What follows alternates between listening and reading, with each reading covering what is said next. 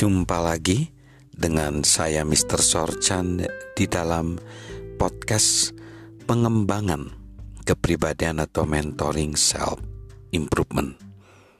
Saat ini kita membahas konteks besar kita adalah setiap orang melakukan komunikasi tetapi sedikit yang terkoneksi.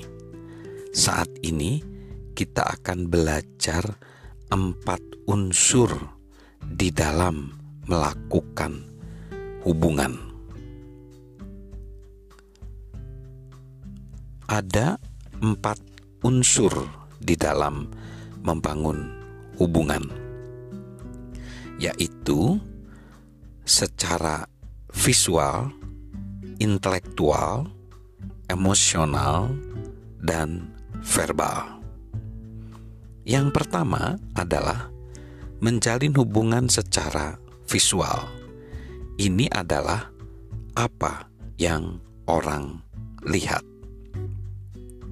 Sonya Hamlin dalam bukunya How to Talk to People Listen menasehatkan bahwa di antara pendengaran dan penglihatan, penglihatan itu lebih penting dan merupakan indera yang luar biasa dalam komunikasi.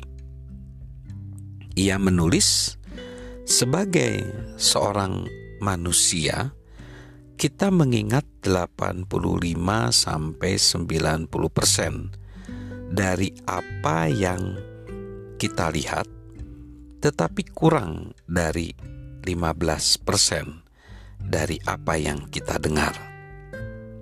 Itu berarti bahwa jika Anda ingin belajar dan mengingat, Anda juga harus mendukung kata-kata Anda dan memperlihatkan ide-ide Anda kepada saya. Anda sekarang perlu menggunakan kekuatan visual untuk menjaga perhatian pendengar Anda dan membawanya pada tingkat pemahaman yang lebih baik. Itu mendukung hal ini dengan bukti berikut yang menunjukkan bahwa orang dewasa ini lebih visual daripada sebelumnya.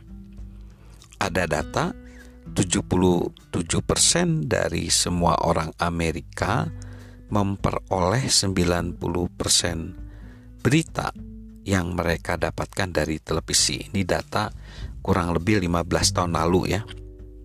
Lalu 47% memperoleh seluruh berita yang mereka dapatkan dari televisi. Perusahaan-perusahaan besar di Amerika memiliki studio televisi mereka sendiri. Konferensi melalui video dan web menggantikan pertemuan-pertemuan penjualan melalui tatap muka. Sistem perekaman digital menjadi sesuatu yang biasa di rumah dan di kantor. Anak-anak meluangkan 22.000 jam menonton TV pada saat usia 19 tahun. Lebih dari dua kali waktu yang mereka luangkan di sekolah. Nah, saat ini Orang banyak meluangkan waktu melihat YouTube, Facebook, TikTok, dan uh, bermain video game, melihat film Netflix, dan lain-lain.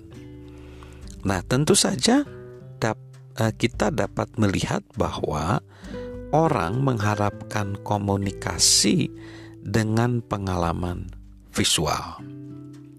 Setiap kali kita berkomunikasi dengan orang lain, entah itu di panggung, di ruang rapat dewan direksi, di lapangan bola, atau di hadapan meja untuk minum kopi, kesan visual yang kita buat akan menolong atau merintangi kita. Eksekutif televisi, konsultan komunikasi, dan penulis Roger Ailes yang menulis You Are The Message menulis dalam majalah Sukses. Anda hanya memiliki tujuh detik untuk membuat kesan pertama yang tepat. Segera setelah Anda menciptakan jalan masuk Anda, Anda menyebarkan tanda-tanda verbal dan nonverbal yang menentukan bagaimana orang lain melihat Anda. Dalam bisnis, ketujuh detik pertama yang sangat penting itu dapat menentukan entah Anda akan memenangkan hubungan bisnis yang baru itu atau berhasil dalam suatu negosiasi yang menegangkan atau tidak. Apakah Anda percaya diri, merasa nyaman, tulus, senang berada di sana? Dalam tujuh detik pertama itu, Anda menghujani pendengar Anda dengan isyarat-isyarat yang tidak kentara. Dan entah orang menyadarinya atau tidak, mereka segera menanggapi ekspresi wajah, gerak tubuh, cara berdiri, dan energi Anda. Mereka bereaksi terhadap suara Anda, nada, dan tinggi rendah suara Anda. Pendengar, entah satu atau seratus secara naluri, menilai motivasi dan sikap Anda. Sahabat Mr. Sorchan, orang dapat melihat banyak dalam tujuh detik. Mereka dapat memutuskan bahwa mereka tidak ingin mendengar apa pun yang akan disampaikan seorang pembicara, atau mereka dapat begitu tertarik kepada seseorang. Sebagai seorang pelopor penghapusan perbudakan dan rohaniawan, Henry Ward Beaker menegaskan, ada orang-orang yang ceria, periang, ramah, menyenangkan, di mana Anda secara naluriah merasa nyaman di dekat mereka karena mereka berbuat baik kepada Anda. Kedatangan mereka ke suatu ruangan itu seperti membawa penerangan ke sana. Salam untuk menjadi seorang konektor. Salam sukses luar biasa dan sehat selalu dari saya, Mr. Sorjan.